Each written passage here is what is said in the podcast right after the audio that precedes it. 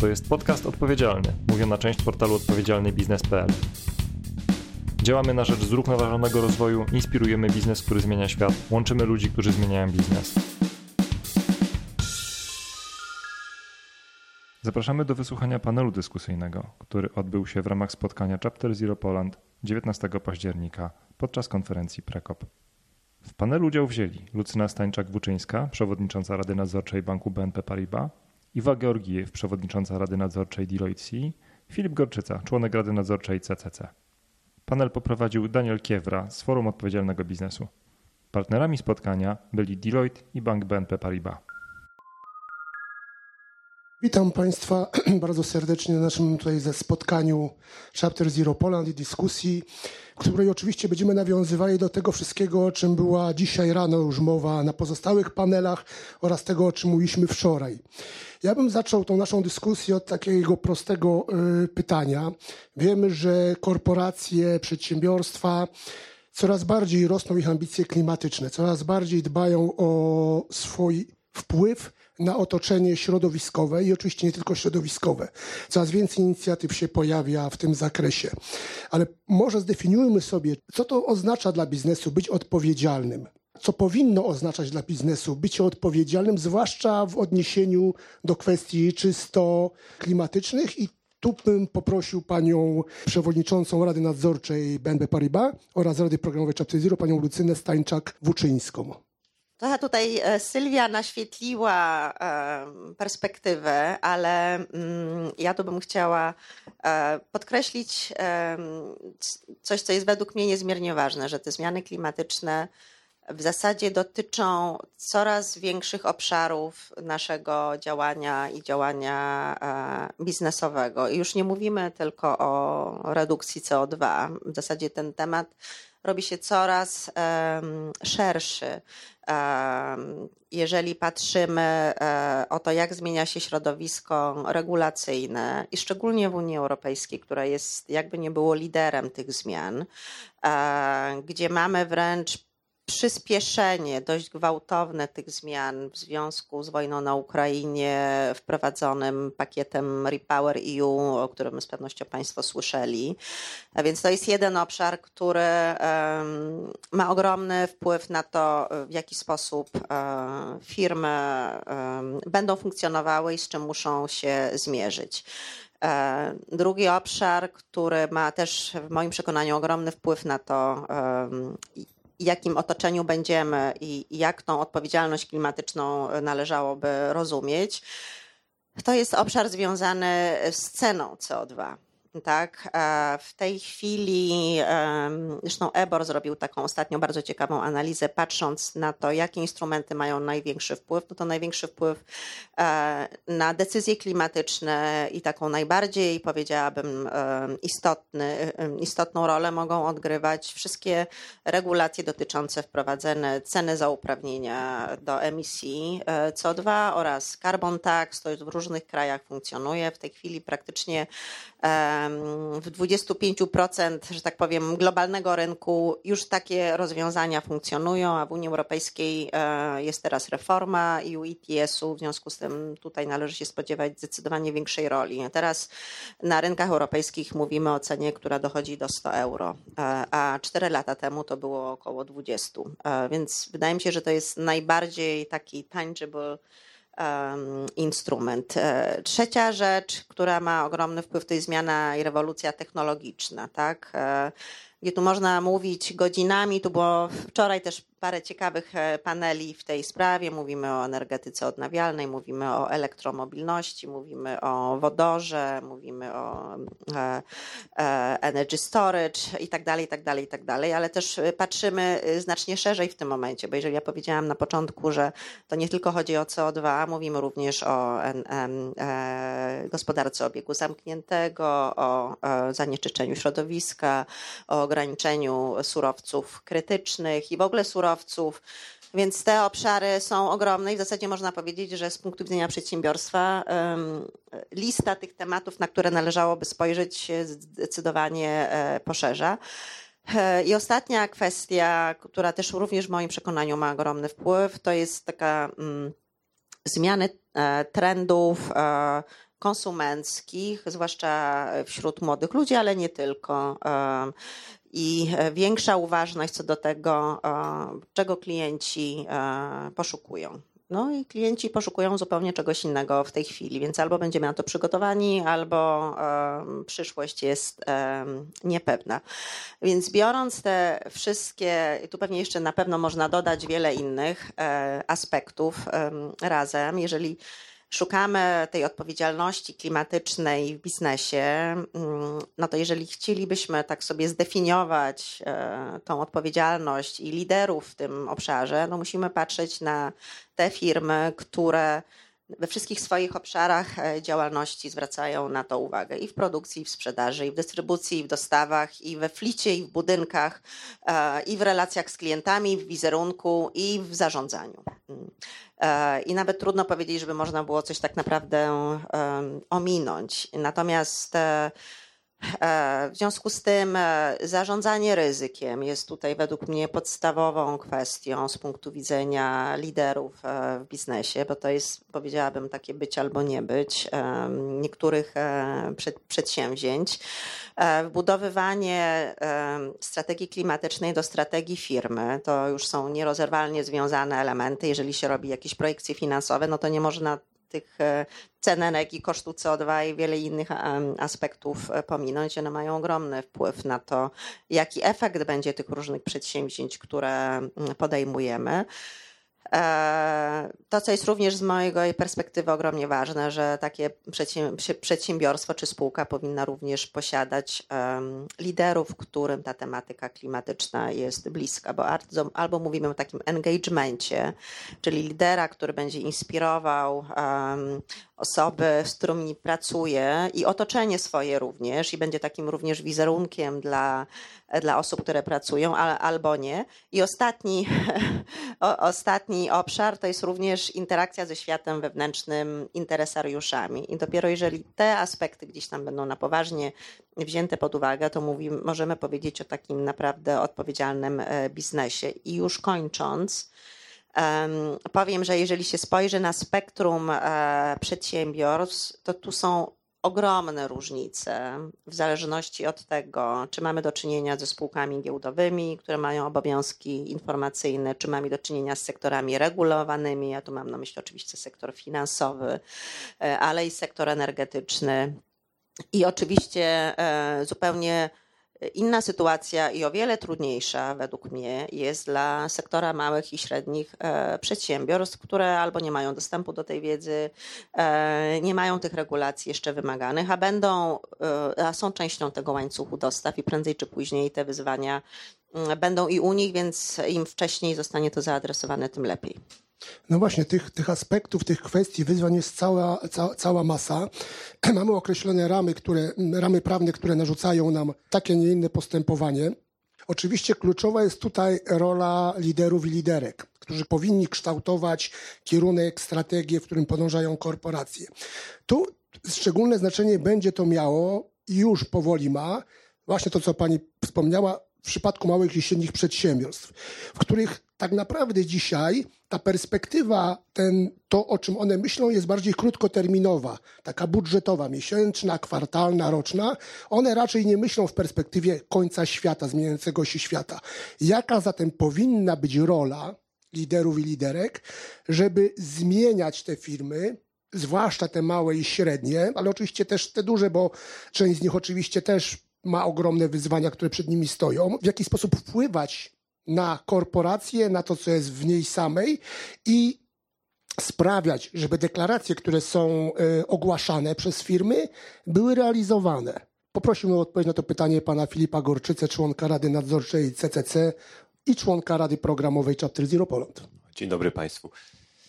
Więc tak, y, lider no, to jest ktoś, kto potrafi inspirować ludzi, przekonywać, y, dobrze się komunikować z ludźmi. Jest to warunkiem tego, żeby kogoś przekonać do, do, do, czegoś i zainspirować. I żeby się skutecznie komunikować, to moim zdaniem e, dwa warunki przede wszystkim powinny być spełnione. Czyli po pierwsze, to e, komunikat, musimy wiedzieć, kto jest odbiorcą komunikacji, do jakiej grupy mówimy, i ta komunikacja musi być skrojona na miarę tego odbiorcy. Tak? I wydaje mi się, że tu mamy pewne wyzwania, jeśli chodzi o całe, całość zagadnienia, którym się zajmujemy, bo zupełnie innym językiem trzeba rozmawiać, jak apelujemy do społeczeństwa, do wyborców, do, e, tak szerzej do, do ogółu.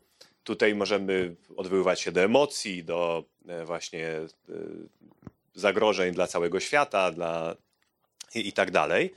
E, natomiast zupełnie innym językiem musimy rozmawiać z przedsiębiorcami, tak? z przedsiębiorcami, znaczy z biznesami, z liderami biznesu, którzy rzeczywiście przede wszystkim muszą zadbać o to, żeby, żeby ich biznesy jutro i za rok e, działały i odnosiły sukcesy. I to są zupełnie dwie grupy odbiorców, i ten, ten, ta komunikacja powinna być zupełnie inna. Czyli na przykład, jeśli chodzi o tę pierwszą grupę, czyli ogół społeczeństwo, no to tutaj trzeba akurat w Polsce jak mówimy, mówimy o Polsce, to tak się składa, że te same cele w dużej mierze y, powinniśmy również z wielu innych powodów realizować.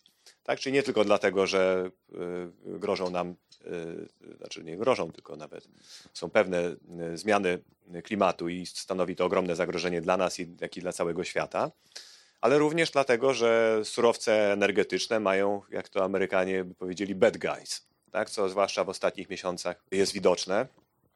Po drugie, dlatego, że kierunek zmian jest oczywisty i nieuchronny, tak? Znaczy zmiany w energetyce to nawet niezależnie od e, kwestii climate change, tak czy inaczej by nas postępowały, tak? Jest to ogromny, ogromny postęp technologiczny i nie ulega wątpliwości, że już w tej chwili tak właściwie jest, a będzie, będzie w coraz większym stopniu, że instalacja nowych mocy e, energetycznych z energetyki odnawialnej jest po prostu bardziej efektywna niż ta oparta o tradycyjne modele. Więc pytanie, czy w tej rewolucji chcemy być liderem, chcemy być z przodu, czy, czy, czy z tyłu. Tak? No, kolejna kwestia to jest oczywiście wspieranie nowych technologii.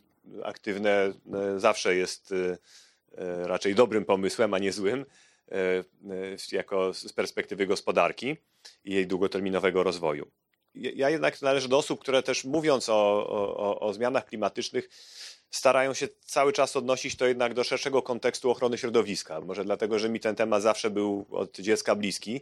Mnie to trochę dziwi, że czasem mam wrażenie, że mówimy tak, jakby ten temat od, od niedawna dopiero wypłynął, jakbyśmy wcześniej sobie nie zdawali sprawy zarówno ze zmian klimatycznych, jak i zagrożenia związanego z emisją gazów cieplarnianych, jak i z potrzeby no, ochrony środowiska.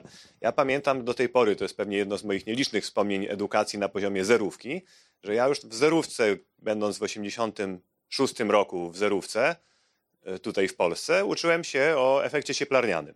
Tak, i tego nikt, nikt wtedy nie kwestionował, już, już wtedy było o tym dobrze wiadomo i, e, i już dzieci były, były o tym uczone. E, I kwestia ochrony środowiska szerzej jest tematem absolutnie niekontrowersyjnym. Chyba nikt, nie tylko z nas tu siedzących na sali, ale nawet jakbyśmy poszli tutaj po ulicy w Katowicach, to nie kwestionowałby e, no, ogromnej wartości tego, że mamy czystą wodę w rzekach, że mamy w ogóle czyste powietrze, zwłaszcza tu na Śląsku e, i tak dalej. Więc, więc wydaje mi się, że w ten sposób trzeba rozmawiać właśnie z tą, z tą pierwszą grupą. Natomiast jeśli chodzi o drugą grupę, czyli czyli biznesy, no to tam trzeba mu rozmawiać językiem, e, językiem korzyści biznesowych przede wszystkim.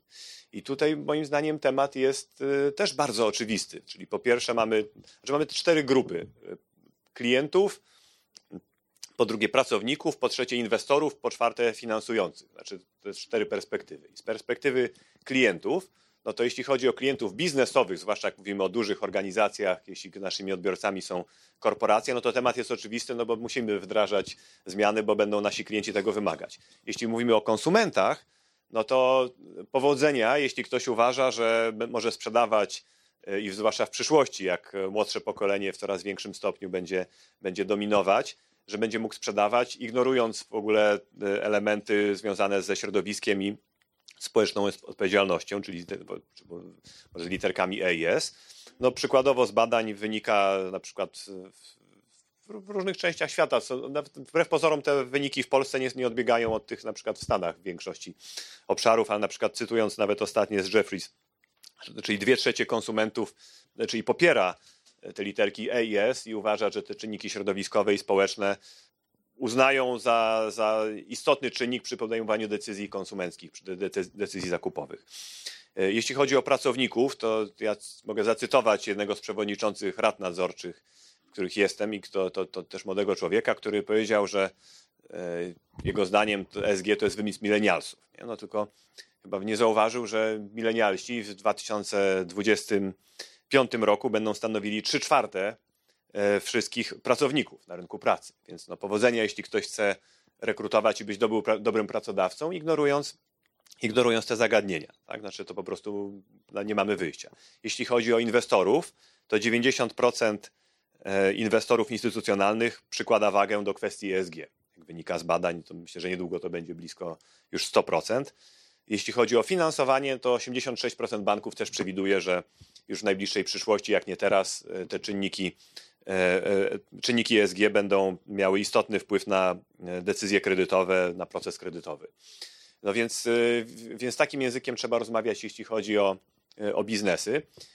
I tu jeszcze bym powiedział, że, że my skupiamy się na radach nadzorczych, na zarządach, a wydaje mi się, że czasem trochę zapominamy o najważniejszej grupie odbiorców, jeśli chodzi o biznes, a mianowicie o właścicielach, czyli o głównych akcjonariuszach, o przedsiębiorcach, tudzież o funduszach, private equity, funduszach otwartych, emerytalnych otwartych, i wydaje mi się, że bez wsparcia bardzo aktywnego tej grupy, to pole manewru jest ograniczone, bo oczywiście możemy ich przekonywać y, od wewnątrz, tu będąc w Radzie Nadzorczej, powinniśmy to robić, ale tak naprawdę ostatecznie ich przede wszystkim trzeba przekonać, bo jeśli mamy głównego akcjonariusza y, Jana Kowalskiego, który całkowicie nie jest przekonany do tych tematów, nie ma zrozumienia i, i, i nie, no to możemy oczywiście złożyć rezygnację, rejtanem, y, robić rejtana, ale to nic się nie uda.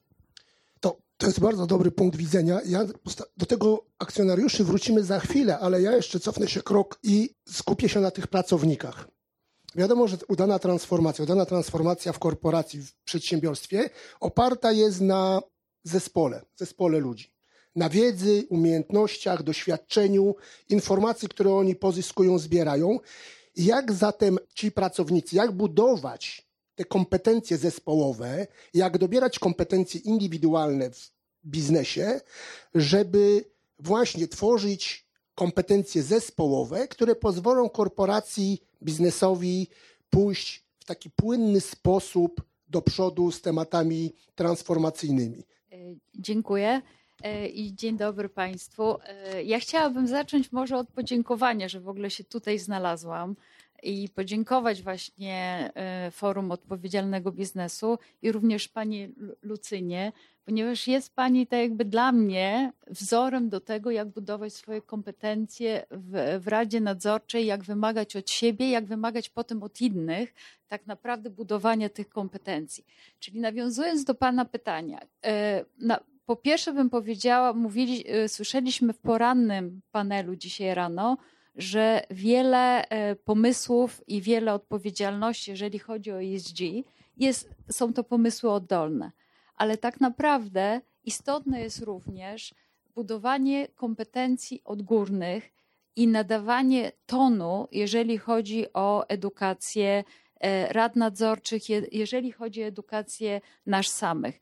Co mam tutaj na myśli? Gdybyśmy się spojrzeli historycznie na to, jaka była rola rad nadzorczych. No przede wszystkim była to rola związana z nadzorem, tak jak sama nazwa wskazuje, we wszystkich językach. Natomiast jeżeli się spojrzymy dzisiaj na współczesne rady nadzorcze, na boards of directors, to tak naprawdę taka, e, taki board of director ma trzy role.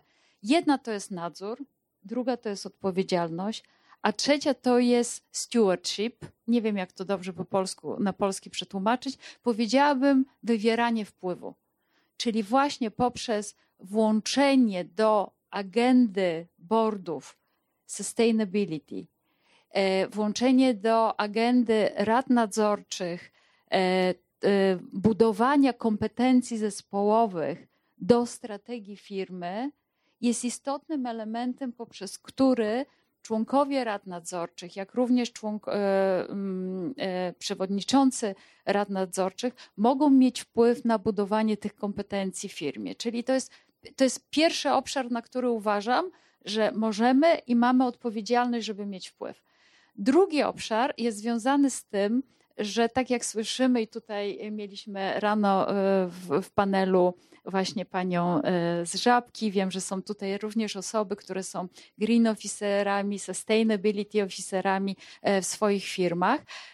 I wiemy, że tak naprawdę budowanie to, tych kompetencji to jest wybór osób, które właśnie będą miały powierzoną tą odpowiedzialność, ale to jest również proces. Czyli budowanie kompetencji, to co teraz widzimy, to nie jest tylko, że będziemy mieli jedną osobę albo departament odpowiedzialny za to, tylko jest to tak naprawdę y, wbudowanie rozumienia istotności y, ESG do wszystkich procesów i dotarcie do wszystkich osób w firmie, ponieważ wpływ, jaki mamy na, na środowisko, jako nasze działania, to jest to, jak my działamy. Czyli to, y, czyli to jest i dział procurement, który będzie odpowiadał za to, żeby wyliczyć ślad naszych dostawców. I, I to jesteśmy wszyscy my, na przykład firma konsultingowych, których, którzy podróżujemy i musimy się zdecydować, ile się spotykać z klientami, jeżeli chodzi o nasz własny wkład.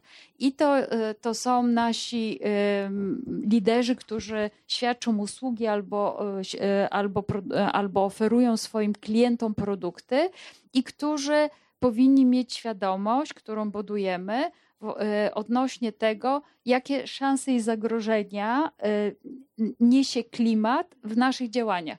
Czyli podsumowując, powiedziałabym tak, to budowanie kompetencji jesteśmy na początku e, w, w tym budowaniu, ale jest to tak naprawdę ogromna szansa którą mamy, bo jesteśmy na początku, czyli możemy być e, e, w tym e, pionierami. I jeszcze bym nawiązała do jednego pytania, które Pan zadał, jeżeli chodzi o małe i średnie przedsiębiorstwa.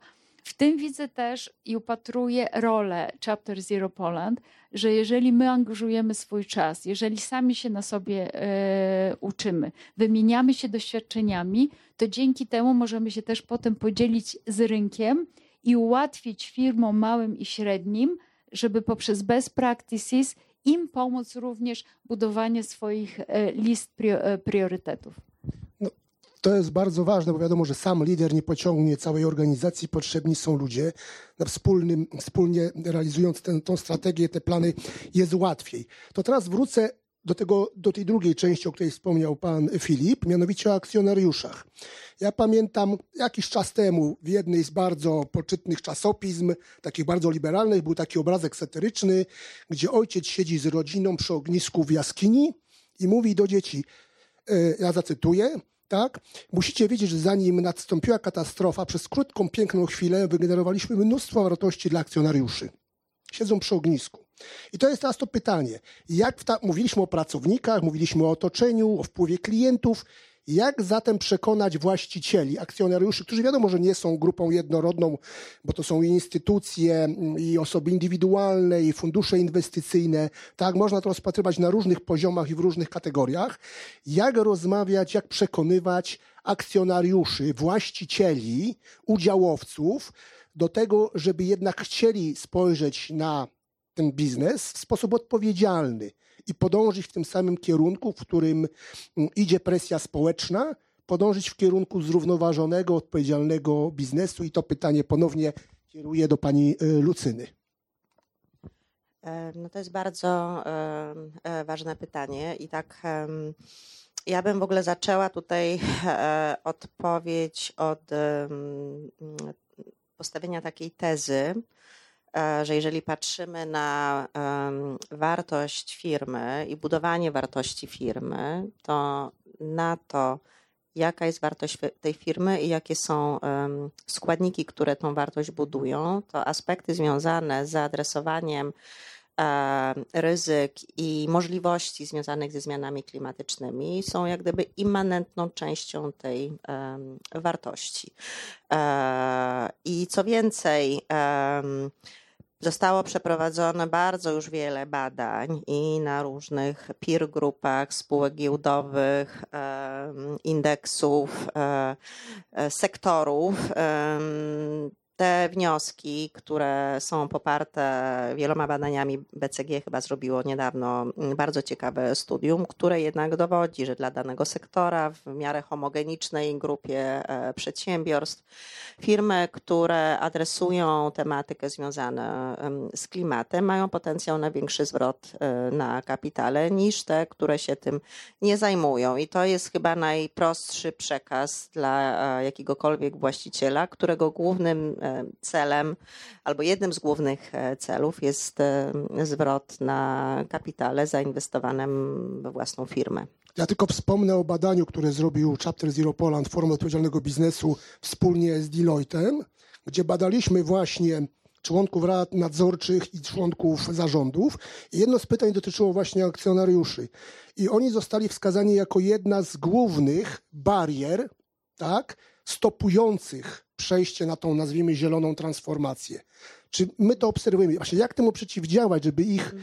jednak y, przekonać, że okej, okay, no wynik finansowy, wartość akcjonariuszy jest tym no, najważniejszym elementem, ale liczą się też inne rzeczy i one też mogą w pewnej perspektywie ograniczać nasze ryzyka i w perspektywie generować określony przychód y, i w efekcie zysk, czy ich wartość dla nich, tak?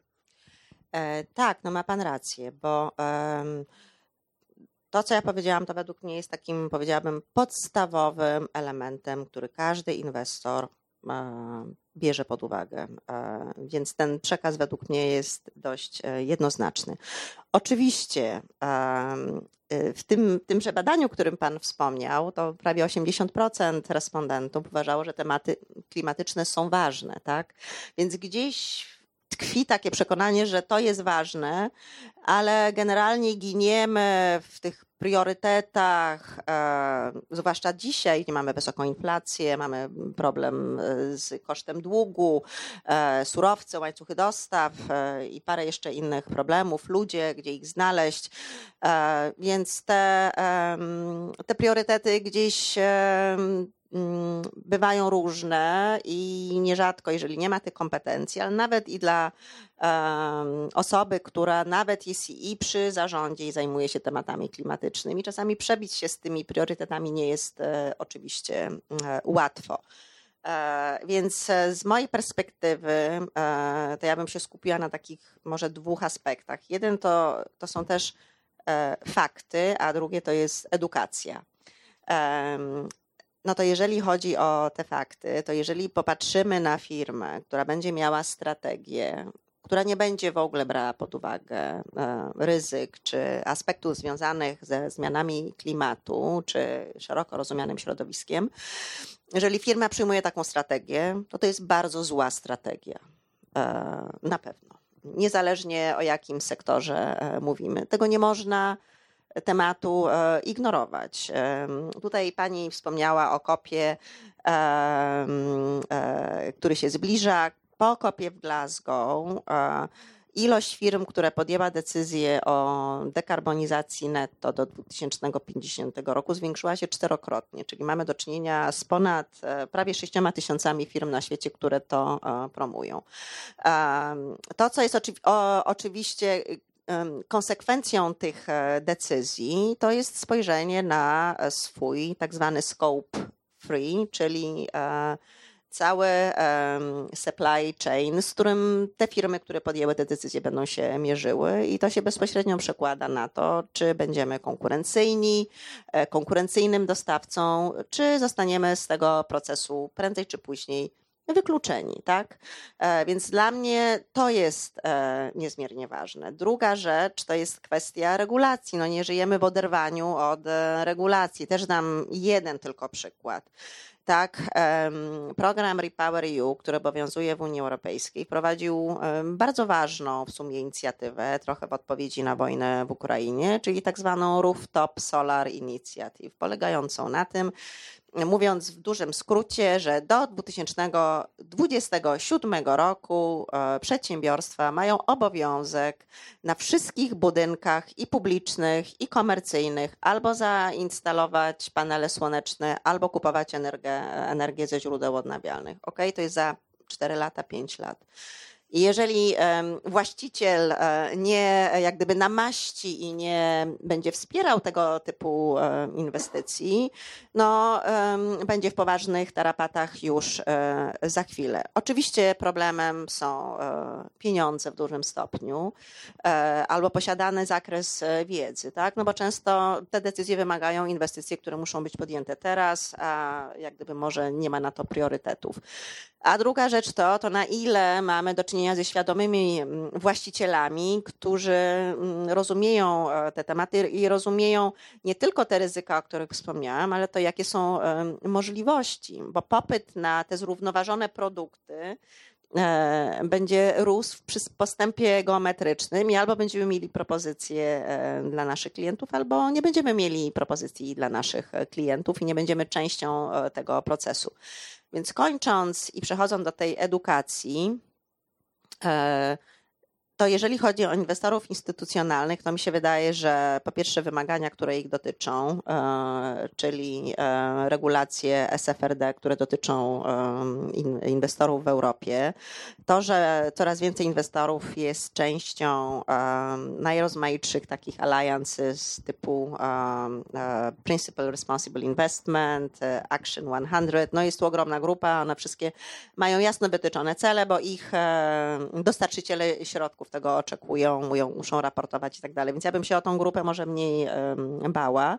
Natomiast e, to jest oczywiście bardzo duży, duża rola dla właścicieli średnich przedsiębiorstw, które nie mają jeszcze obowiązków regulacyjnych, takie jak mają spółki giełdowe i zupełnie małych przedsiębiorstw. I tutaj poza oczywiście instytucjami jak Chapter Zero, czy Forum Odpowiedzialnego Biznesu, czy jest również taka platforma światowa e, SME Climate Hub, który jest takim, taką platformą, gdzie małe przedsiębiorstwa mogą sobie policzyć ślad węglowy i w ogóle zastanowić się, gdzie są, e, no to ja jednak widzę ogromną rolę dla instytucji finansowych i banków, e, ponieważ banki mają te wymagania, które na nich spadają oczywiście, czyli taksonomia unijna, w związku z tym no, oczekują również od tych klientów informacji, której ci klienci najczęściej nie mają.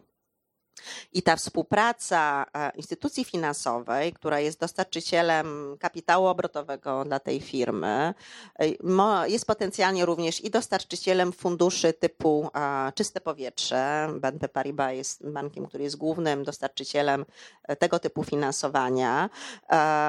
Jest również, no pełni rolę doradcy, takiego biznes partnera i jest najbardziej zainteresowany w tym, żeby ten klient spełniał te kryteria, bo to się przekłada bezpośrednio na ryzyko kredytowe. Za chwilę te wymagania unijne również zmierzają do tego, że bank będzie musiał sobie określić, co może mieć daleko idące konsekwencje, jak ocenia ryzyko związane z klimatem e, swoich klientów. Więc ja bym tu widziała taki win-win e, scenariusz e, banku, który pełni tą rolę biznes partnera no i nie ukrywam, zrobię taką e, małą promocję. Wydaje mi się, że tutaj instytucja, jaką jest BNP Paribas, bardzo wysoko w swoich priorytetach stawia wspieranie e, naszych klientów w tym, w tym obszarze, ale to jest takie partnerstwo biznesowe, gdzie w ramach tej współpracy mm, banki oferują całą serię produktów, na przykład w wyliczeniu śladu węglowego, na przykład w zakresie doradztwa,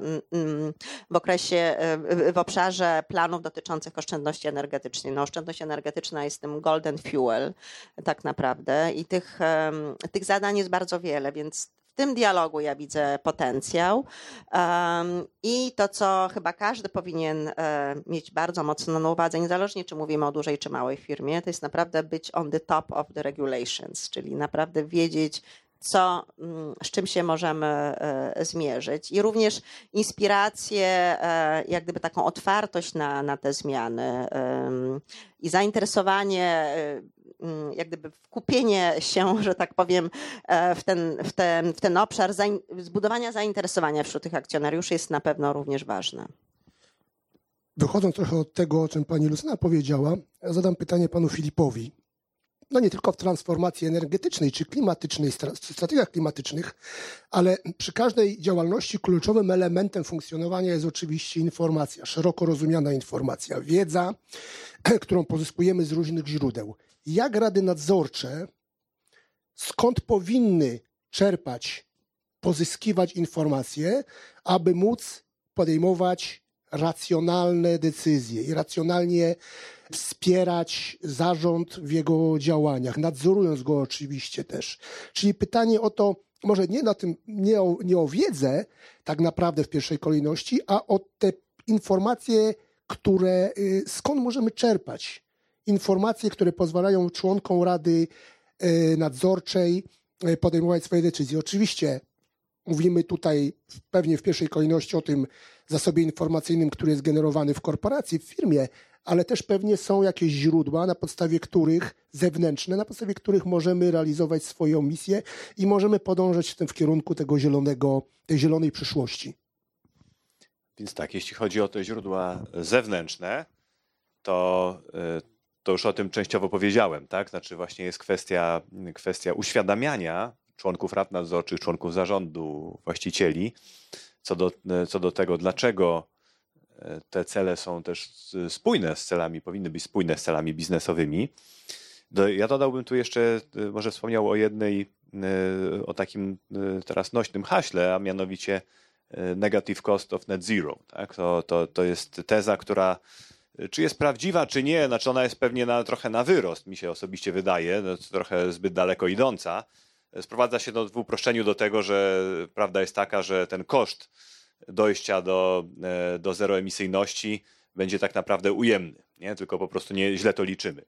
E, więc to jest pewnie teza, nawet jeśli przesadzona, ale jest, jest to fajne hasło i wydaje mi się, że nie tylko na poziomie całej gospodarki, ale również na poziomie poszczególnych firm można w ten sposób przekonywać. I wydaje mi się, że tu jest rola właśnie, e, znaczy rola jest w ogóle takich organizacji jak Chapter Zero właśnie w tym e, dostarczaniu odpowiednich informacji, ale tu jeszcze takie zadanie, jeśli mogę się tutaj zwrócić może z taką sugestią dla, do nas wszystkich.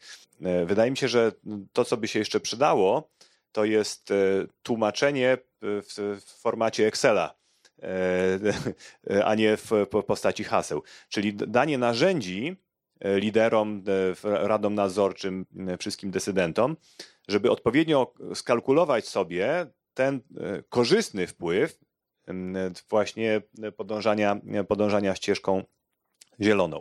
Bo wydaje mi się, że część w tym hasie na pewno jest sporo prawdy, negative cost of net zero, że wielu korzyści może nie, nie, nie umiemy e, odpowiednio nazwać, e, opisać i skalkulować.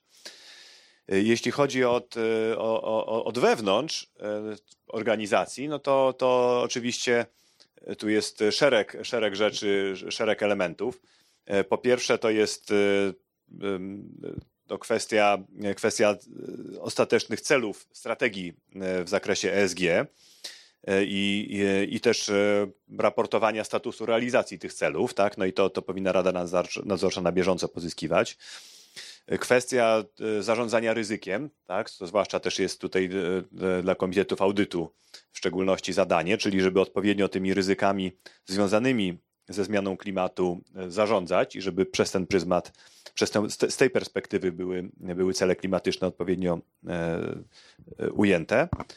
Dalej to jest kwestia informacja na temat inicjatyw i programów wartych uwagi w zakresie konkretnych rozwiązań OSG i to mogę nawet dać konkretny przykład, taki dosyć świeży z, z jednej z organizacji, w których radach nadzorczych jestem, czyli właśnie w CCC, czyli czyli takie te green corners, które w sklepach może Państwo już zauważyli, jak ktoś, ktoś odwiedza sklepy CCC, czyli e, takie punkciki, w których są rzeczywiście te, te produkty, czyli obuwie zielone, czyli, czyli takie, które E, z poszanowaniem e, środowiska zostało wytworzone, z materiałów takich, które są e, tutaj odpowiednie i tak dalej. I dalej no to jest oczywiście regularne raportowanie postępów celów ESG. I w, no, ja mam szczęście być w organizacji, gdzie rola Rady Nadzorczej, mówiliśmy mówię właśnie o CCC, to, to w, w, gdzie właściwie Rada, rola Rady Nadzorczej jest znikoma, dlatego że my jako Rada Nadzorcza nie musimy dodatkowo zachęcać. Na szczęście i po stronie zarządu i głównego akcjonariusza jest, jest tutaj bardzo duża chęć, żeby w tym kierunku podążać. Co, czego odzwierciedleniem są też różne nagrody i wyróżnienia, które regularnie CCC dostaje. bo zajmuje nawet miejsce numer jeden w wielu, wielu rankingach i nawet czołową ma pozycję globalnie w swojej branży, jeśli chodzi o, o kwestie ESG i też w szczególności właśnie zmiany, podejście do zmian klimatu. Nawet, nawet ostatnie, ostatnio dwie nagrody kolejne, kolejne dostała.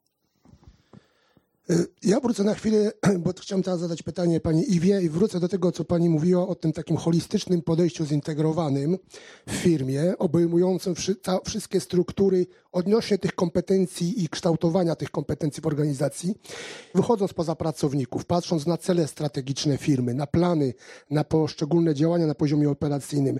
Jak powinien wyglądać taki wewnętrzny dialog między poszczególnymi strukturami w organizacji, w korporacji, taki modelowy, jak mógłby wyglądać, aby ta organizacja mogła w sposób płynny, y, jak najmniejszym kosztem, w cudzysłowie rzecz jasna, bezproblemowo może tak, podążać tą zieloną ścieżką. To może ja powiem tak, że w Deloitte Rada Nadzorcza e, składa się ze wspólników i wspólniczek, z partnerów, którzy są jednocześnie akcjonariuszami tej organizacji. Czyli tak naprawdę Rada Nadzorcza ma za zadanie przekonać akcjonariuszy do tego, żeby również podążać zieloną ścieżką. I teraz jak ten dialog ma e, wyglądać? Ja przygotowując tak. się do tego spotkania, wiedziałam, że pan mi to pytanie zada, to mi to, co mi przychodzi najbardziej tak jakby do głowy i to, co staram się używać, to, to bym nazwała to jako taki polarity management. I co, to, co mam na myśli? Że to jest tak naprawdę dialog, który idzie w, w dwie strony. Z jednej strony e, Rada Nadzorcza ma za zadanie właśnie kształtować wpływ i dawać to jakby, dawać się wykorzystać nawet niejako przez zarząd do tego, żeby wymagać podążania tą ścieżką całej organizacji tak, ja tak widzę swoją rolę, czyli widzę swoją rolę, że dzięki temu, że ustalimy e, w, e, w strategii firmy również e, priorytety klimatyczne, to że poprzez to, że jako Rada Nadzorcza będziemy potem akceptować i, i, i audytowe raporty odnośnie raportowania niefinansowego, możemy jako Rada Nadzorcza być niejako nawet wykorzystywani przez zarząd do tego, żeby oczekiwać od całej organizacji. Po drugie, widzę w tym też również dużo e, szans i zagrożeń, e, ale pokazywania, że de facto, jeżeli w naszej strategii wbudujemy kalkulację ryzyka, które jest istotne dla firmy, to poprzez to jesteśmy w stanie nakłonić naszych liderów poszczególnych linii produktowych, żeby działali w, właśnie w taki sposób sustainable. Co to znaczy, że wbudujemy e, takie wskaźniki? Każda firma ma jakieś ryzyko, które jest dla tej firmy nieakceptowalne. Dla firm takich jak nasza, no to to ryzyko to jest ryzyko reputacyjne. My nie mamy aż takiego dużego ryzyka, na przykład fizycznego, ale mamy ogromne ryzyko reputacyjne, czyli podążanie ścieżką e, właśnie rozwoju, która zarządza tym ryzykiem, pozwala nam do tego, żeby przemówić do naszych liderów, do naszych, do naszych pra pracowników. Poza tym każda firma ma jakiś aset, który jest dla niej bezwzględny. To może być kapitał, to może być technologia, to może być talent. Znowu, odpowiedzenie sobie na pytanie, który to jest ten aset, bez którego nie damy rady. W firmach takich jak nasza, tym asetem jest talent. Są ludzie. Jeżeli my nie będziemy podążać ścieżką właśnie e, e, e, rozwoju właśnie zielonego, to tak naprawdę stracimy zainteresowanie w naszym biznesie, jeżeli chodzi o E, o, e, o naszych pracowników. Czy to wszystko jest łatwe? To łatwo jest tylko sobie tutaj tak powiedzieć, prawda? Ale wykonanie tego wszystkiego wymaga ogromnego wysiłku, E, mi też nie jest łatwo mówić o tym wszystkim, dużo czytam, robiłam sobie wiele notatek, ale tak właśnie widzę naszą rolę, żeby regularnie się kształcić, regularnie sprawdzać, czy w strategii firmy są wbudowane. Będziemy mieli zresztą też przecież niedługo nowe standardy, tak? Corporate Sustainability Reporting Directive. W wyniku tego w Polsce z 200 firm wzrośnie bodajże na 3000 ilość firm, które będą musiały raportować. W Europie z obecnych 11 na 50.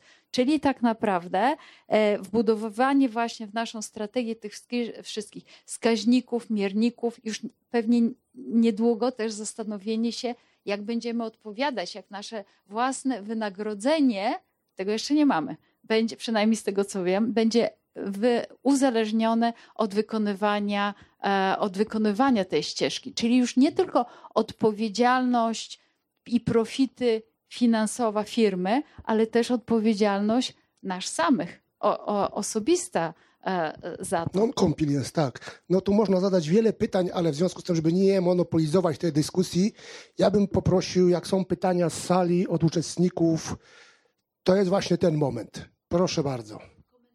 Jarek Olszewski. E, ja jestem bardzo zainspirowany tym, co się dzieje tutaj podczas tych dwóch dni. Ale cały czas mam z tyłu głowy taką myśl, e, jak zrobić, żeby to wszystko było solidarnie na poziomie świata. Bo to, że my w Polsce, tak jak widzę, to co Państwo mówią, tak, to fantastyczne są idee, w ogóle naprawdę ogromny szacunek dla tego, co robicie w swoich organizacjach, ale dopóki, dopóki pojedzie się do Tajlandii na przykład i tam przy każdym zakupie będzie pięć toreb plastikowych wydawanych, albo dopóki pewne duże mocarstwa nie ograniczą tej emisji, to to wszystko jest tak troszeczkę jak taka fantastyczna idea, ale pytanie, czy ona ma szansę na efektywność. To jest pytanie skierowane do kogoś konkretnie, czy. Tak ogólnie, tak ogólnie. Tak bardzo ogólnie. Może ja sprób spróbuję, a tu widzę e, Ewa doda. E, no to jest bardzo ważny komentarz. E, nie można się bardziej zgodzić. Myśmy tu jeszcze przed tym, e, e, przed tym, przed tą naszą dyskusją mieliśmy o tym rozmowę, że no Europa jest na pewno liderem, ale Europa może być też i trochę odosobniona w niektórych obszarach w stosunku do albo krajów, które są krajami rozwijającymi, czy krajami, e, powiedziałabym, e, o niskim poziomie e, dochodu, które a uważają, że to nie ich wina, bo to wszystko ta rozwinięta Europa spowodowała tą katastrofę klimatyczną. B, ta transformacja kosztuje tak dużo, że nikogo na to nie stać ale myślę, że to jest e, e, jednak proces, który już się rozpoczął e, i wydaje mi się, nie chcę tutaj jakoś tak bardzo mm, politycznie się wypowiadać, ale jednak ja myślę, że ten COP 26, który był krytykowany, że nie zostały podjęte jednoznaczne decyzje o um, zamknięciu um, przyszłości dla węgla kamiennego, bo jednak te dyskusje phasing out, phasing down się toczyły i tak dalej. No jednak doprowadziły do deklaracji, które złożyły i takie duże kraje jak Chiny, i takie duże kraje jak Indie jak na ich możliwości były to e, całkiem ambitne e, plany.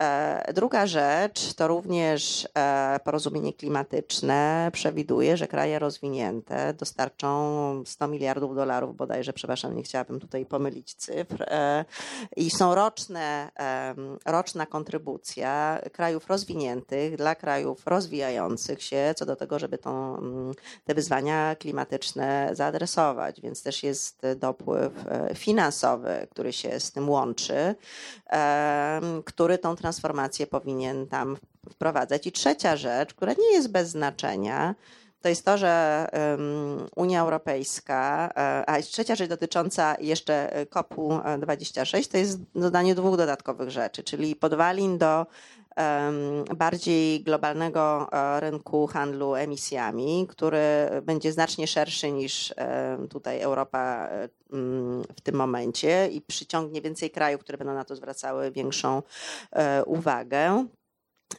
I o, ostatnia rzecz, która jest dla mnie ważna, no to jednak jest wprowadzenie tych aspektów klimatycznych do łańcuchu dostaw, czyli zwrócenie uwagi na to, jak w tym całym value chain będzie, e, będą funkcjonowały poszczególne przedsiębiorstwa, jeżeli mówimy o przedsiębiorstwo z takiego czy innego kraju poza Unią Europejską. Na przykład Turcja chciałoby e, być, uczestniczyć w tym łańcuchu dostaw. Może się okazać, że niezależnie od tego, jak niskie będą mieli koszty produkcji, mogą okazać się niekonkurencyjni, bo będą mieli zbyt wysoki ślad węglowy. E, I przepisy unijne, które wprowadzają tak zwany carbon border tax de facto, mechanizm, e, no gdzieś tam starają się zaadresować właśnie problemy, które Pan tutaj wspomniał. Natomiast to jest ogromnie złożony temat i ogromnie ważne jest, żeby się pochylić nad tym adaptation, który będzie tematem COP27 i tą transformacją również dla krajów, które należą do krajów, tak jak powiedziałam, albo rozwijających się, albo krajów o, niskim, o niskich, e, niskich dochodach, które no po prostu nie stać na pewne rozwiązania, które my mamy tutaj u nas. Jeśli ja mogę dać taki krótki komentarz, to oczywiście Odpowiadając na Pańskie pytanie, myślę, że jak to zmienić? To zmienią dwa elementy. Pamiętajmy o tym, że my dzisiaj, nie, może nie dzisiaj, ale w tym roku mamy 50. rocznicę szczytów klimatycznych. Pierwszy był w Sztokholmie w 1972 roku. Zrobiliśmy pewien krok do przodu, ale zdecydowanie największy krok do przodu zrobili tutaj konsumenci i ich presja na biznes. Więc właśnie ten łańcuch dostaw, łańcuch wartości i presja konsumentów najwięcej zmieni bo ona będzie wpływała na firmy, na korporacje i na cały ten łańcuch, gdzie poszczególne te podmioty, które nie spełnią określonych wymagań, oczekiwań rynku, oczekiwań klienta, po prostu będą miały problem. Tak? One może nie znikną z dnia na dzień, bo gdzieś tam swoją niszę może znajdą, ale w dłuższej perspektywie to na nich wymusi, to na nich wymusi zmianę, bo nie będą mogły tak funkcjonować. Dziękuję. E, Jan Bondaru, Główny Instytut Górnictwa. Od razu uspokajam, nie będę mówił o węglu. E, przysłuchiwałem się tej dzisiejszej dyskusji. Zresztą nie będę ukrywał, że specjalnie na nią przybyłem, bo mam tutaj niedaleko, a właściwie to jest dzisiaj mój dopiero drugi panel, do którego mogłem dotrzeć. Ale chciałem zapytać o taką rzecz, bo Państwo powiedział bardzo mocno, było podkreślana rola przywództwa bycie pionierem, e, bycie e, na topie pewnych działań. Jak Państwo postrzegacie, przepraszam, tak zadaję, nie, nie chciałem wybierać, bo być może każdy z Państwa będzie miał inne doświadczenia, a mianowicie jak Państwo postrzegacie rolę innowacji i ekoinnowacji w tym procesie? Bo ja bardzo często, jak słucham i rozmawiam z ludźmi, którzy myślą o przygotowaniu się do raportowania SG, to tak naprawdę chcą zapakować to, co było kiedyś w CSR-ze, w nowe opakowanie. Mówiąc suche, to, trochę to, to będzie taki e, e, bardziej, mówiąc krótko, e, lepszy greenwashing. Przepraszam, niestety nikogo obrażać. Natomiast jak ja się pytam, ok, w tym jest, musi być zaszyta zmiana rzeczywista, być może trzeba będzie procesy technologiczne, być może trzeba będzie w ogóle zmienić filozofię działania, to wszyscy mówią, nie, nie, to zaraz, to nie tak miało być. Myśmy tylko mieli się przepakować. Więc bardzo bym chciał usłyszeć od Państwa, jak Państwo widzicie tą rzeczywistą zmianę, nie tylko w poglądach, w filozofii, ale w, w konkretnych działaniach, no i w inwestycjach, bo ja nie mówię o innowacjach miękkich, tylko mówię również o twardych, tak, które będą związane ze zmianami procesu produkcyjnego. Dziękuję. Czy takie przełożenie deklaracji na realne działanie, to może, proszę bardzo. To ja, jeśli mogę, ja zrobię tutaj taki wyłom, że ja bym oddała na chwilę może e, mikrofon mojej koleżance Katarzynie z Deloitte, która się właśnie zajmuje tymi tematami. Zapraszamy generalnie ta dyskusja, która, która się toczy, jest bardzo obecna i widoczna. I wydaje nam się, że też e, mówiąc o greenwashingu w ogóle, ciężko nie mówić też o greenwishingu, bo y, mówimy z jednej strony o tych wszystkich deklaracjach, które są, no i teraz właśnie ten moment, y, moment y, sprawdzenia jest na pewno istotny. I powiedziałabym, że rzeczywiście obserwując ten rynek już od 2015 roku, to widzimy, że rzeczywiście to grono liderów, które myśli o tym w sposób poważny i profesjonalny, no nie odżegnuje się od tych realnych zmian i też inwestowania w technologię, bo to jest oczywiste, że bez e, tak naprawdę, tak jak, tak jak Pan wspominał, myślenia o tych technologiach. Mamy też tutaj, nie będę może mm, też wywoływać koleżanek, ale mamy koleżanki, które właśnie e, w kontekście, nie wiem, czy to opakowań, gospodarki obiegu zamkniętego realnie pracują nad tym, jak e, zmieniać te modele biznesowe dotychczasowe, domykać obieg, jakby rzeczywiście ograniczać też zużycie zasobów. No, my tutaj bardzo dużo dzisiaj, mm, w ogóle na całej konferencji oczywiście mówiliśmy o klimacie, ale to nie wszystko, tak? Są inne obszary środowiska e, mocno skorelowane z tymi zmianami klimatycznymi. Cały temat bioróżnorodności. Widzimy, że rzeczywiście mm, myśląc o profesjonalizacji i o zmianach w biznesie, one i będą szły coraz głębiej. I tutaj mamy początek, który jest związany z celami klimatycznymi, dekarbonizacją, zmianami technologicznymi, ale widzimy i też ten regulacyjny, mm, regulacyjny push, powiedziałabym, wskazuje na to, że przed nami zasoby wodne, przed nami bioróżnorodność i tutaj to ograniczanie naszego impaktu na środowisko bez zmian technologicznych no nie, nie, nie będzie następować, więc e, na pewno jest to też, też obszar do rozwoju, e, no z jednej strony wiadomo, firm doradczych i tego, co mogą e, w zakresie technologii zmieniać, ale te technologie na rzecz ESG to też będzie ten, ta bardzo rozwijająca się szybko pewnie gałąź rynku. O finansowaniu teraz pewnie? Inwestycji? Oczywiście. Znaczy jeszcze może bym też odniosła się w jednym zdanie, zdaniem do, do Pana też pytania, e, bo wydaje mi się, że y, Tutaj temat, który e, no, jest osobny sam w sobie, to jest właśnie kwestia tej gospodarki obiegu zamkniętego, który będzie miała ogromny wpływ na procesy technologiczne. Ja nie chcę cały czas się powoływać do tych przepisów unijnych, ale one są wokół nas. To w tym obszarze coraz większe są oczekiwania, że już na poziomie projektu, zanim przystąpi się do produkcji, e, należy zastanowić się, jaki procent z tego, co będziemy chcieli stworzyć, będzie pochodziło e, z materiałów, e, powiedziałabym, no, z recyklingu czy z obrotu zamkniętego. Więc te oczekiwania będą. Będziemy mieli do czynienia to, że oprócz tego, że sprawdzimy, ile dany produkt ma cukru, będziemy mogli sprawdzić, jaki procent pochodzi z obiegu zamkniętego. Więc to wymusza E, pewne decyzje inwestycyjne. Jeżeli chcemy być tym liderem, który będzie konkurencyjny, no to no nie można tego ignorować. Oczywiście są ograniczone e, możliwości nierzadko finansowe i to zabiera e, czas. Drugi aspekt to jest kwestia również dostępu do materiałów. No jednak tutaj mówimy o różnych wyzwaniach dotyczących nie tylko tych rzadkich e, surowców, ale w ogóle surowców, że w którymś momencie ten aspekt zacznie odgrywać finansowo również większą rolę i będzie również wypychał takie czy inne rozwiązania. Więc to też trzeba trzeba mieć e, w tyle e, głowy. E, jeżeli chodzi o finansowanie, to powiem tak. Taksonomia unijna, która będzie, już obowiązuje banki, jest ogromną zmianą z perspektywy tego, w jaki sposób banki będą patrzyły na swoich e, klientów i będą finansowały e, inwestycje, tak?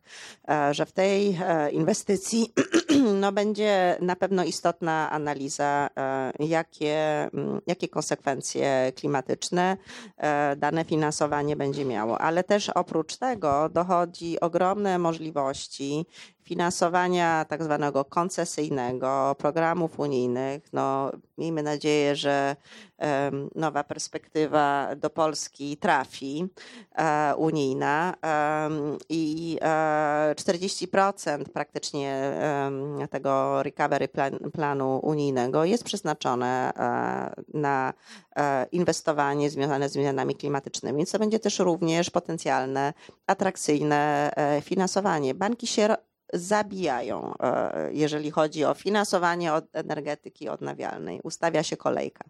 E, więc wszystkie mm, inwestycje, które będą e, spełniały oczekiwania, będą liczyły na większe finansowanie, lepsze finansowanie, po prostu lepszy dostęp do kapitału również. Więc um, ja myślę, że z punktu widzenia tego lidera, um, od którego no, są oczekiwania od niego, że będzie tym e, wizjonerem i będzie miał tą perspektywę wykraczającą e, również i poza jego własną kadencję, bo jeżeli mówimy o 2050 roku, no to już tych wszystkich prezesów tu nie będzie, tak? Prawdopodobnie w tym momencie będą nasze dzieci. E, w związku e, z tym nie zwalnia to mimo wszystko e, z myślenia, ponieważ mówimy o tym milestone 2030, mówimy o pewnych dochodzeniu do, do, do tego celu. Więc odpowiedzialny lider musi się również na tym pochylić. Oczywiście trzeba rozważyć koszty i możliwości własne również i, i, i, ludzi, z którymi się pracuje i konkurencyjności tego biznesu, ale w 2050 roku prawdopodobnie duża część spółek, które są dzisiaj liderami, może i w ogóle nie być. Więc tu jest tak dużo niewiadomych, to jest z pewnością ogromne wyzwanie też, żeby mm, swoje miejsce w tym skomplikowanym świecie odnaleźć. E, dzień dobry, Kasia Barańska, Osborne Clark. Ja bardzo dziękuję za tą Pani wypowiedź, ona jest super cenna w kontekście tego, e, co banki finansują i że chcą finansować odnawialne źródła energii, ale też jest e, bardzo duży taka luka edukacyjna w instytucjach finansowych a propos nowych technologii i bankowalności projektów w obszarze biometanu, biogazu, wodoru. To są projekty, które powoli się gdzieś tam rozpoczynają, e, a naprawdę też e, Unia Europejska, Komisja Europejska chciałaby na nie przeznaczyć bardzo duże środki. My nie do końca mamy jeszcze taką wiedzę operacyjną, praktyczną, jak sfinansować projekt, tak żeby on się udał. Także ja zakładam, że to jest e, bardzo ważna rzecz. Drugi punkt, e, to też Państwo tutaj mówiliście, ten ETS i system handlu uprawnieniami do emisji globalnej. Mi się wydaje, że to jest E, niestety pieśń bardzo dalekiej przyszłości, dlatego że mamy protokół z Kyoto z 97 roku i była wielka walka o to, kto ten protokół podpisze i kto będzie mm, ten protokół wykonywał. Stany Zjednoczone nigdy tego protokołu nie podpisały, mają system, ale rzeczywiście on jest trochę inaczej skonstruowany i wydaje mi się, że musimy trochę tą dyskusję przesuwać od e, zmian w ETS-ie, kształtu ETS-u. Wiadomo, że to jest obecnie, na dzisiaj, na kolejny rok bardzo duży problem, e, szczególnie ze względu na cenę uprawnień, ale musimy rzeczywiście przesuwać e, ten ciężar dyskusji na to, co my sami możemy zrobić i jak te nasze małe obiegi zamknięte domykać, lokalne. I i, I stąd mam takie pytanie, jakbyście byli Państwo w stanie powiedzieć o takich trzech najważniejszych rzeczach, które jakby polecalibyście e, zrobić w swoich przedsiębiorstwach, od czego zacząć? E, myśleć o zmianie klimatycznej. Może ja dam jeden przykład, nie wiem czy trzy, ale jeden bym dała. Też odnosząc się do pytania, które Pan wcześniej zadał, a mianowicie o just transformation, czyli to, co, na co ma, sami mamy, mamy wpływ, to tak naprawdę e, zdecydowanie o dwóch rzeczach, nawet jeżeli jeszcze regulator od nas tego nie wymaga. Po pierwsze, zwiększenie swojej odpowiedzialności za obiekt cyrkularny, bo jeżeli nie będziemy produkować pralek komputerów, które potem będą w Nigerii e, składowane, to mamy wpływ też na, to jest nasz, nasza kontrybucja do tego just, e, just transformation, a, czyli to jest pierwsza rzecz. A druga rzecz, o której bym, była, e, bym powiedziała, to jest również, e, mm, i tu dam przykład, może prezes e, Rady Nadzorczej Deloitte Australii, to dzieliłam się z tym wcześniej, z panią Lucyną, powiedział mi, że największą przyjemność, jak podpisywał zgodę Rady Nadzorczej na, na wydanie pieniędzy, to było wtedy, kiedy firma australijska zakupiła ziemię i oddała ją aborygenom. Czyli z jednej strony e, zakupiła ją po to, żeby była zalesiona, czyli wpływ właśnie na klimat, ale z drugiej strony zaangażowanie rdzennej e, społeczności. Czyli o tym bym myślała, żebyśmy się inspirowali takimi rzeczami, nie czekali, żeby ktoś od nas to wymagał, albo sami wprowadzali do swoich rocznych raportów informacje, jak właśnie zadbaliśmy o Just Transformation, nawet jeżeli jeszcze regulator od nas tego nie wymagał.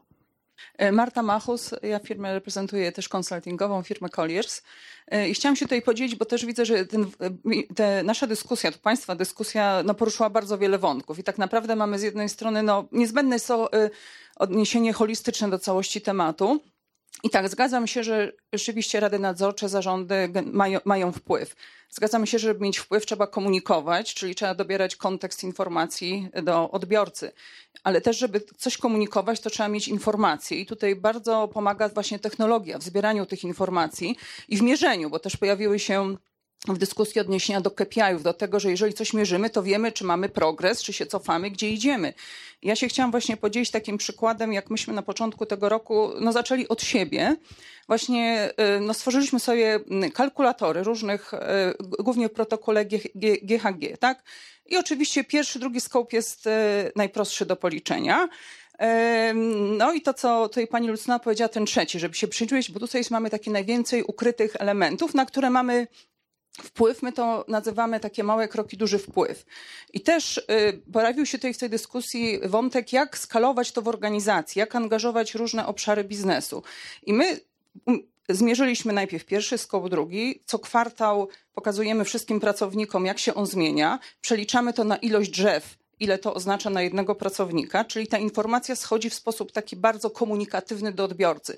Bo ludzie nie, po prostu zaczynając, ktoś, kto jest y, Y, u nas facility managerem na budynku albo jest y, liderem, y, inaczej odbiera tą informację, żeby ją dopasować. Natomiast ludzie sobie każdy kojarzy, ile drzew na przykład firma generuje i w chwili obecnej właśnie na półrocznym podsumowaniu powiedzieliśmy, że na każdego pracownika 148 drzew wynika z naszego śladu pierwszego i drugiego, ale również ślad trzeci, mierząc wszystkie elementy, nawet tutaj się dzieliłam informacją. Teraz na dział marketingu wszedł z inicjatywą to zmierzmy, że standardowo co roku wysyłamy prezenty dla klientów. Policzyliśmy, ile te prezenty generują i poinformowaliśmy pracowników i co ciekawe wyszło, że generalnie zaproponowali, że nie wysyłajmy tego, tak? Zlikwidowaliśmy kosze w biurach, w biurze są tylko dwa miejsca, żeby generować mniej śmieci i też policzyliśmy to i się dzielimy tą informacją i co ciekawe, to bardzo angażuje ludzi i stymuluje, że sami zaczęli zwracać uwagę i do osób, które obsługują te kalkulatory, przychodzą z pomysłami, robimy event dla klientów, 30 osób, to zobaczmy, ile to wygeneruje po prostu e, e, śladu. Policzyliśmy też, ile generuje e, jeden dzień pracy hybrydowej w domu śladu węglowego. I co ciekawe, ludzie tym żyją, przekładają na pewne swoje codzienne działania. I tak jak mówię, są takie małe wpływy na tym etapie, ale no one gdzieś się składają na taki początek, żeby później to skalować. Więc tutaj też technologia pomaga, więc tutaj a propos innowacji, technologii, bez tego uważam się nie, obe, nie obędzie, bez skalowania tego i bez dostarczania i komunikowania faktami i informacjami? E, to oczywiście jest bardzo różne w zależności od, od firmy. Takim punktem wyjściem warto to jest zrobić e, taki baseline analizę, żeby tak naprawdę zorientować się, gdzie my w tym wszystkim jesteśmy.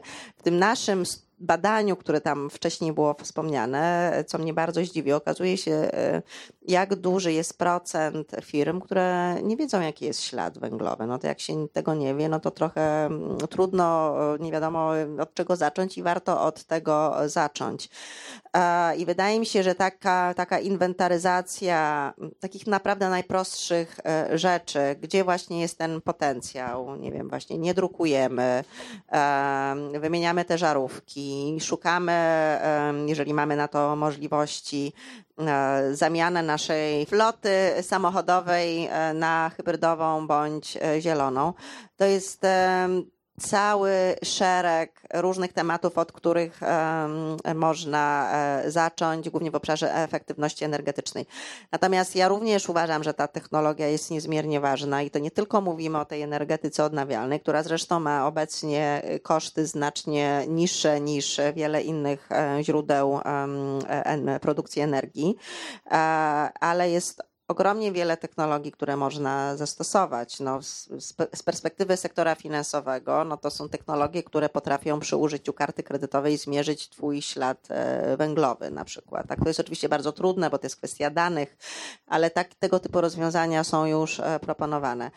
BNP Paribas e, jest największym kredytodawcą sektora agrobiznesowego. No tutaj to można powiedzieć, że sky is the limit, tak? My skupiamy się również na współpracy z naszymi klientami przy e, wyliczeniu śladu węglowego e, w ich produkcji rolniczej. To jest kwestia spojrzenia na to, jakiego rodzaju nawozy są używane.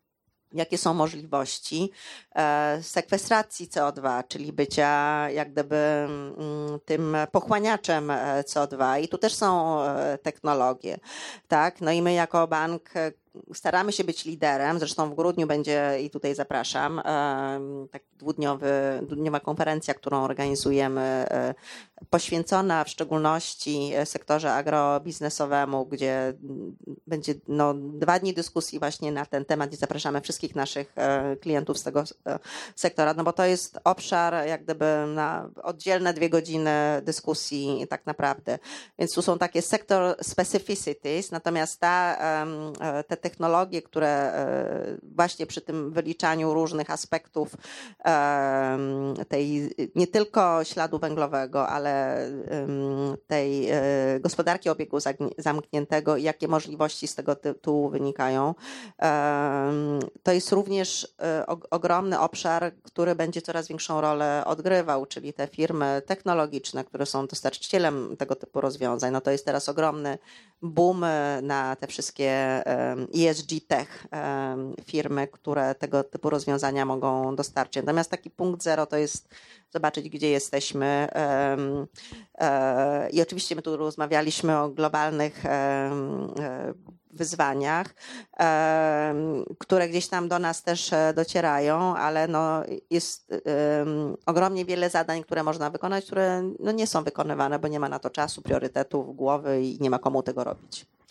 No, ja niestety muszę tę dyskusję w tym momencie przerwać, bo jesteśmy już po czasie, z bólem to robię, ale zapraszam do dyskusji w kułarach. Dziękuję bardzo za udział w panelu pani Lucynie Stańczak-Wuczyńskiej, pani Iwie Georgiejew i panu Filipowi Górczyca i zapraszam na następne wydarzenie Chapter Zero Poland już niebawem.